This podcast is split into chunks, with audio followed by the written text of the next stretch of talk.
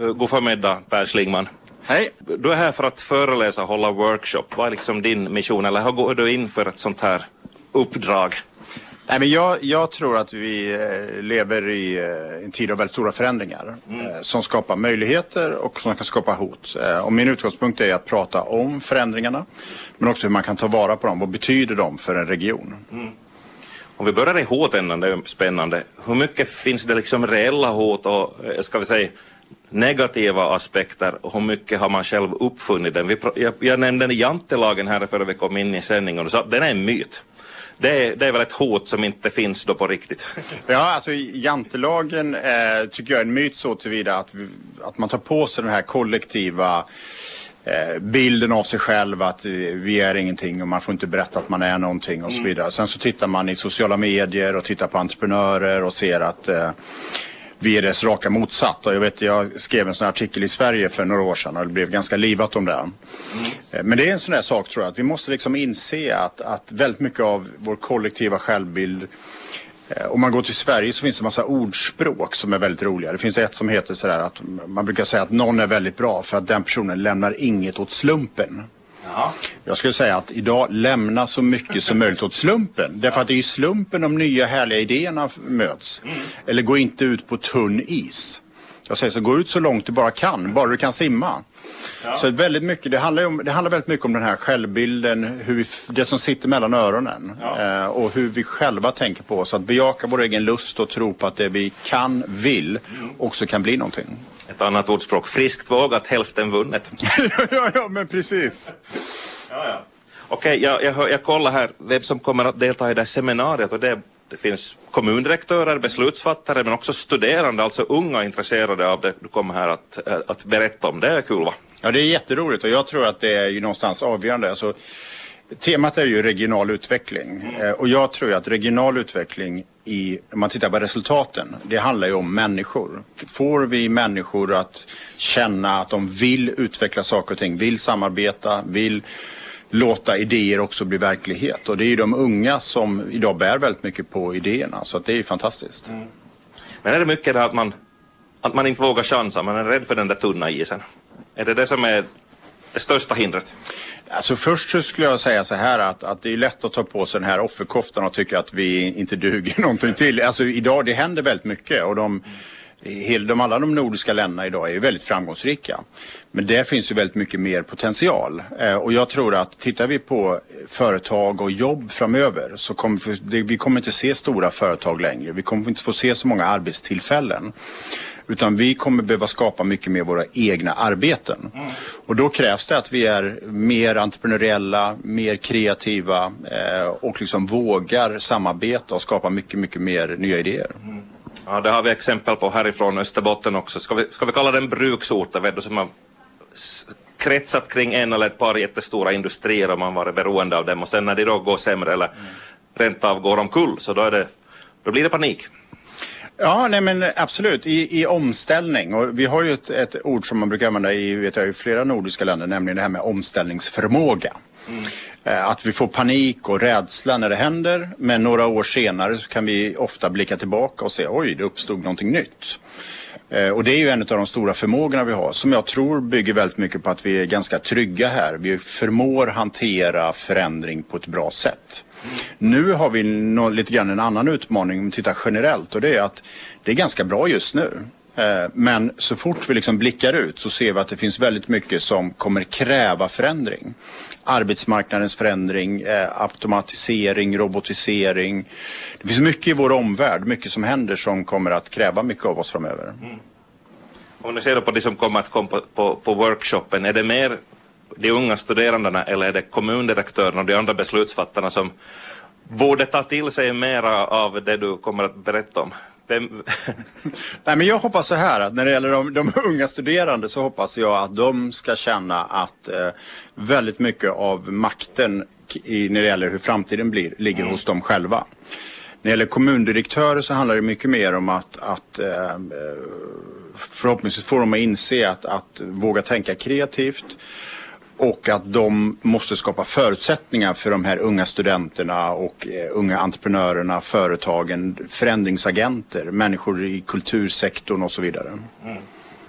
ska man få den här samhörighetskänslan att växa, då att man samarbetar, att till exempel inom en kommun, att inte man i byarna drar åt varsitt håll, vet då, vi ska ha, det här ska vi ha och så vidare, utan man ser på det gemensamma. Ja, fast ibland är det också bra att dra åt olika håll. Alltså jag, jag tycker att det finns ofta en, en sån här eh, syn på att vi ska alltid hålla med varandra. Mm.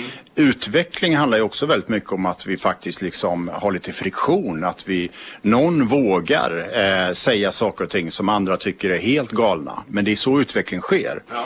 Så att, att ha de här eh, människorna som är lite galenpannor är jätteviktigt. Eh, det viktiga tror jag någonstans när det gäller att, att liksom samordna det är att det ska finnas en tydlig idé och en tydlig aspiration vad vi vill bli, i vilken riktning vi ska gå. Men sen måste vi ha så mycket olikhet som möjligt. Det måste bullra, det ska vara diskussion. ja. Jag tror att inom medicin pratar man om kris och det är liksom ett brytningsskede. Det kan gå uppåt eller neråt. Mm. Ja, men absolut. Och jag skulle säga att, att eh, utmaningen idag är att vi har ingen synlig kris riktigt, utan vi har en mer långsamt smygande eh, utveckling med, med väldigt många eh, faktorer runt om oss geopolitiskt, teknologiskt, ekonomiskt, socialt eh, som påverkar eh, som kommer påverka vår framtid. Eh, och det är klart att om vi kan nu eh, liksom proaktivt förhålla oss till dem när det gäller liksom att stimulera fler att ta eget ansvar och så vidare. Då tror jag att det är liksom vägen framåt. Mm. Så pratar också om, som jag nämnde här, om, om globalisering. Man kan inte bara se bara på hur Vasa nu som vi befinner oss i, eller Österbotten ska klara sig gentemot resten av Finland, utan vi är ju på en global marknad. Ja, det är ju flera sidor av det myntet. Det ena är den här klassiska globala konkurrensen. Mm. Eh, och det måste man ju konstatera att i grund och botten Norden, trots att vi är länder med höga arbetskraftskostnader så klarar vi oss väldigt väl. Det är också så att automatisering gör att andelen arbetskraft för att producera minskar. Vilket gör att vi kommer få se ännu mer av produktion tror jag i Norden. Eh, och mindre av investeringar i Asien, Afrika och så vidare. Men den jättestora grejen med globaliseringen just nu det är ju det här att vi alla delar kunskapen med varandra. Vi har tillgång till all data och kunskap i hela världen. Och det innebär att vi som bor här, vi måste inse att vi kan inte längre överblicka.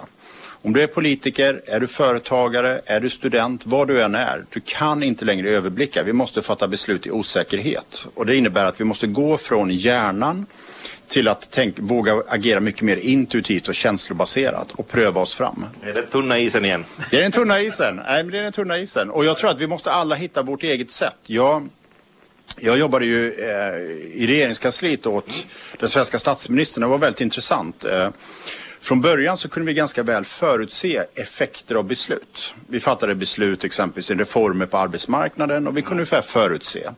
Bara några år senare så var det nästan helt omöjligt att förutse.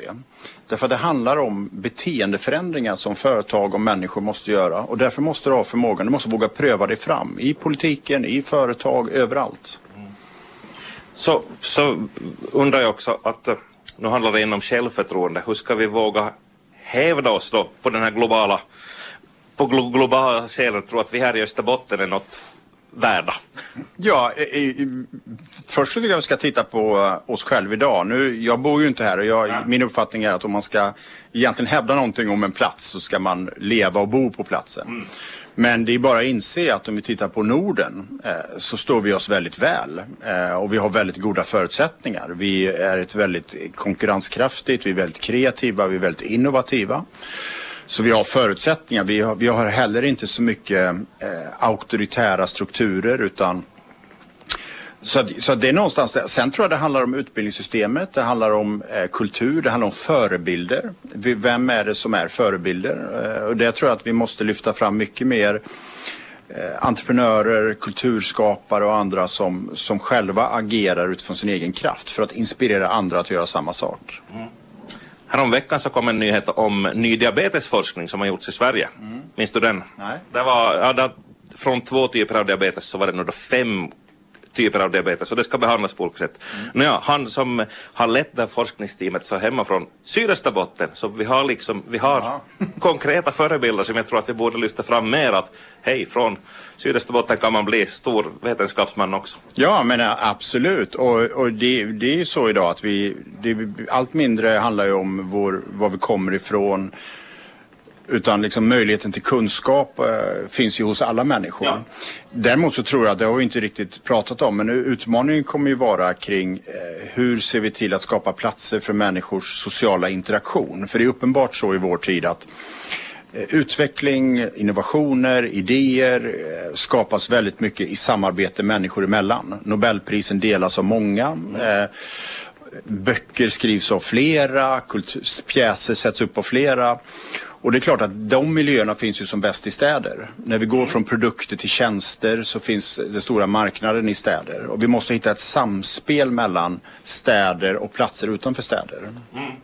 Ja, du pratar också om städer, så var, jag var nyfiken på det. Bra att vi kommer in på det. Nu pågår det också diskussion här mellan Vasa och grann omkringkretsande mm. kommunen Korsholm har funderat, ska vi fusionera så här? Det, det här är en evighetsfråga, men har det en betydelse av hur stor en stad är? Når man liksom en, en kritisk gräns där det blir så urbant att det uppstår de här mötesplatserna bättre? Ja och nej. Det är klart att stora städer med mycket människor har ju större förutsättningar att ha många specialiserade områden. Mm. Tokyo på väg mot 40 miljoner, där hittar du varje liten specialiserad livsstil eller eh, område. Mm. Är du mindre så måste du vara mycket tydligare. Men jag skulle också vilja säga att, att, även om man är en mindre ort eller även om man är landsbygd så kan man tänka urbant. Och tänka urbant innebär att tänka människor, skapa mötesplatser för människor, skapa kultur. Eh, och det går att göra. När när jag och Kjell Nordström skrev en bok om det här för fyra år sedan då eh, utnämnde vi Visby som ligger på Gotland eh, till världens minsta storstad. Aha. 23 000 invånare men enormt urban. Mm. Tack vare att man är isolerad och fysiskt? Nej, tack, tack, tack, nej, tack vare att dels har man en stadsbyggnad som mm. bygger på att, att man faktiskt lämnar rum åt människor. Det finns många tredje rum som inte är hem eller arbetsplats där man kan ja. träffas.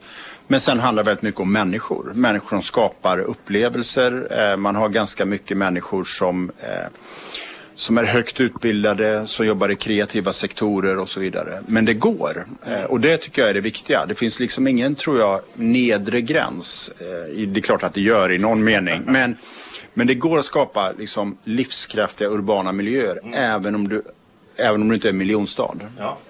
Är det då, har det här skett av, så det organiskt av sig självt i Visby eller har det haft väldigt framsynta beslutsfattare som har styrt den här utvecklingen? Jag skulle vilja säga att, att det har skett, om du frågar människor det, trots beslutsfattarna. Okej. Okay. Ja, snarare så. Eh, och, och därför att man har, men man har också väldigt högljudda, livskraftiga entreprenörer. Man har väldigt duktiga eh, restauratörer, man har väldigt duktiga människor som jobbar med kultur, med nöje eh, och så. Och man har också mer och mer människor som inte tänker ön som marknad utan Sverige eller världen som marknad. Mm. Så återigen, det sitter mellan öronen. Och det tror jag ofta är ett problem att vi tänker för litet när det gäller vår möjliga marknad. Mm. Ska bara runda av här Per Schlingman, men ännu en fråga på det här. Är, är det här något som beslutsfattarna till exempel bör tänka på? Det är, inte, det är inte bara en utgift att skapa sådana här mötesplatser och, och, och stödja kultur till exempel och fritidsverksamhet utan det, det, det, det skapar den här atmosfären när det gäller möjligheten för idéer att gro och det kan betyda pengar i slutändan, för det brukar vara pengarna som beslutsfattarna tänker på. Så, så tror jag absolut att det är. Och, och det här är ju en, en, utmaning för alla politiker, nämligen att det kan vara svårt att se de kortsiktiga intäkterna i budgeten. Speciellt när det kanske är svåra tider. Ja, det, är svåra tider och vi har, det finns mängder med behov. Eh, vi har en demografi som kräver ökade resurser. Vi har teknologi som kräver ökade resurser inom vård och omsorg, att testa nytt. Men jag skulle säga att det här är absolut det. Och skulle jag vilja uppmana att eh, jag tror lösningen ligger någonstans att inse att det är inte bara en politisk fråga utan samarbeta med fastighetsägare och andra. Finns det en tydlig idé så finns det fastighetsägare som investerar pengar.